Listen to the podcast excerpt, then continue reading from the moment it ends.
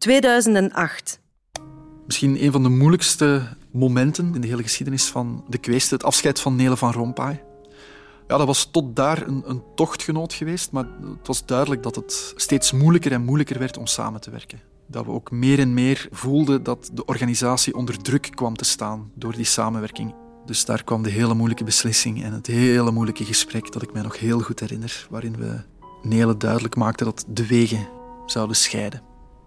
Wat ik ook heel moeilijk vond, omdat ik niet het gevoel had dat ik het recht had om haar uit een gezelschap te zetten waar ze zelf ook eh, mee aan de basis eh, had gestaan. Maar waarbij het ook duidelijk was dat als dat niet de beslissing werd, dat het mogelijk ook het einde van het gezelschap betekende. Dus het zijn moeilijke keuzes. Soms moeten er keuzes gemaakt worden in het belang van een gezelschap en van een organisatie. En zijn dat niet meteen de keuzes die, die, die we persoonlijk willen maken. En ik moet blijven kiezen voor het geheel en de missie van het huis. Uh, niet evident. 2008. Genk City. Dat was op locatie in de shopping van Genk. Dat is de eerste shopping in Europa. Dat shoppingcenter dat was dan open tot acht uur of zo. En dan sloot dat en om half negen begon de voorstelling. Dus we hadden heel kort tijd om in een soort eiltempo stoelen te zetten rond de fontein. Er was in het centrum van, van die shopping een fontein met een grote plantenbak, een soort oerwoud. En wij speelden eigenlijk in die plantenbak en die fontein speelden we de voorstelling. En dat schone was dat na de voorstelling ook alles weer terug wegging. Dus het, het leek op een soort underground beweging die de, de shopping hackte, daar een soort theatervoorstelling, een fantasiewereld maakte. En Sanderendaags was die weer weg. En ja, was dat gewoon een ontmoetingsplaats overdag van mensen en jongeren die daar aan de fontein afspraken. En helemaal niet wisten dat daar s'avonds, als het licht uitging en de deuren dichtgingen en alle rolluiken omlaag gingen van alle winkels, dat we daar theater maakten. Daria Bukvic, Frank Sira, Ilmer Roosendaal, Naomi Vilistariou, Bram van der Kelen, Karel Philips, Sadettin Curmisius, Suze Milius. Wij zijn altijd een heel open huis geweest met heel veel mensen die binnen en buiten kwamen, ook heel veel jonge makers. Als je ziet hoeveel van die jonge mensen nu echt wel straffe makers geworden zijn. En dan gaat dat helemaal niet dankzij ons of doordat ze bij ons uh, dat gedaan hebben. Uh, dat wil ik helemaal niet claimen. Maar ik weet wel van heel wat van die mensen dat dat toch wel een hele belangrijke stap geweest is. Of dat wij een ervaring hebben kunnen meegeven die cruciaal geweest is in hun ontwikkeling.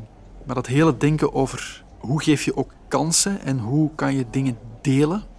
En ook het gegeven dat we dat gewoon een verantwoordelijkheid vonden dat werd steeds belangrijker. Welke rol spelen wij naar de toekomstige generaties?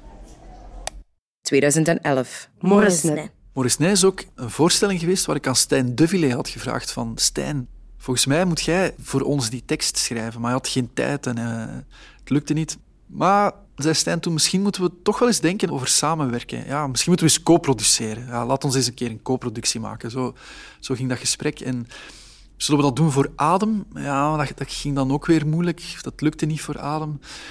Ja, maar we moeten dat gesprek wel warm houden. En daar is ook weer, denk ik, een heel belangrijke stap gezet in die, in die samenwerking. Samenwerking. 2012. We zaten in de periode dat we opnieuw subsidie moesten aanvragen, structurele erkenning voor 1314. En we kregen een negatief advies. Eigenlijk werd het hele plan van de kweeste dat we op dat moment aan het uitvoeren waren met het ensemble en de talentwerking omvergewalst, platgeslagen. Ik denk dat ik nog nooit zo een heftige deappreciatie van wat we aan het doen waren heb gekregen als toen. Het was een hele grote boosheid. En nog steeds eigenlijk. Dat pre-advies is uiteindelijk toch een positief advies geworden. En we hebben alsnog wel die subsidie gekregen, maar de schade was enorm. Het gebrek aan waardering voor mensen die zich dag en nacht volledig hebben gegeven, heel veel van hun privé hebben opgeofferd voor een, een huis, ja, dan is dat een aanslag gewoon op mensen. Ik denk dat ik in de nasleep van die subsidiestrijd vooral bezig was en bekommerd was om iedereen van mijn team.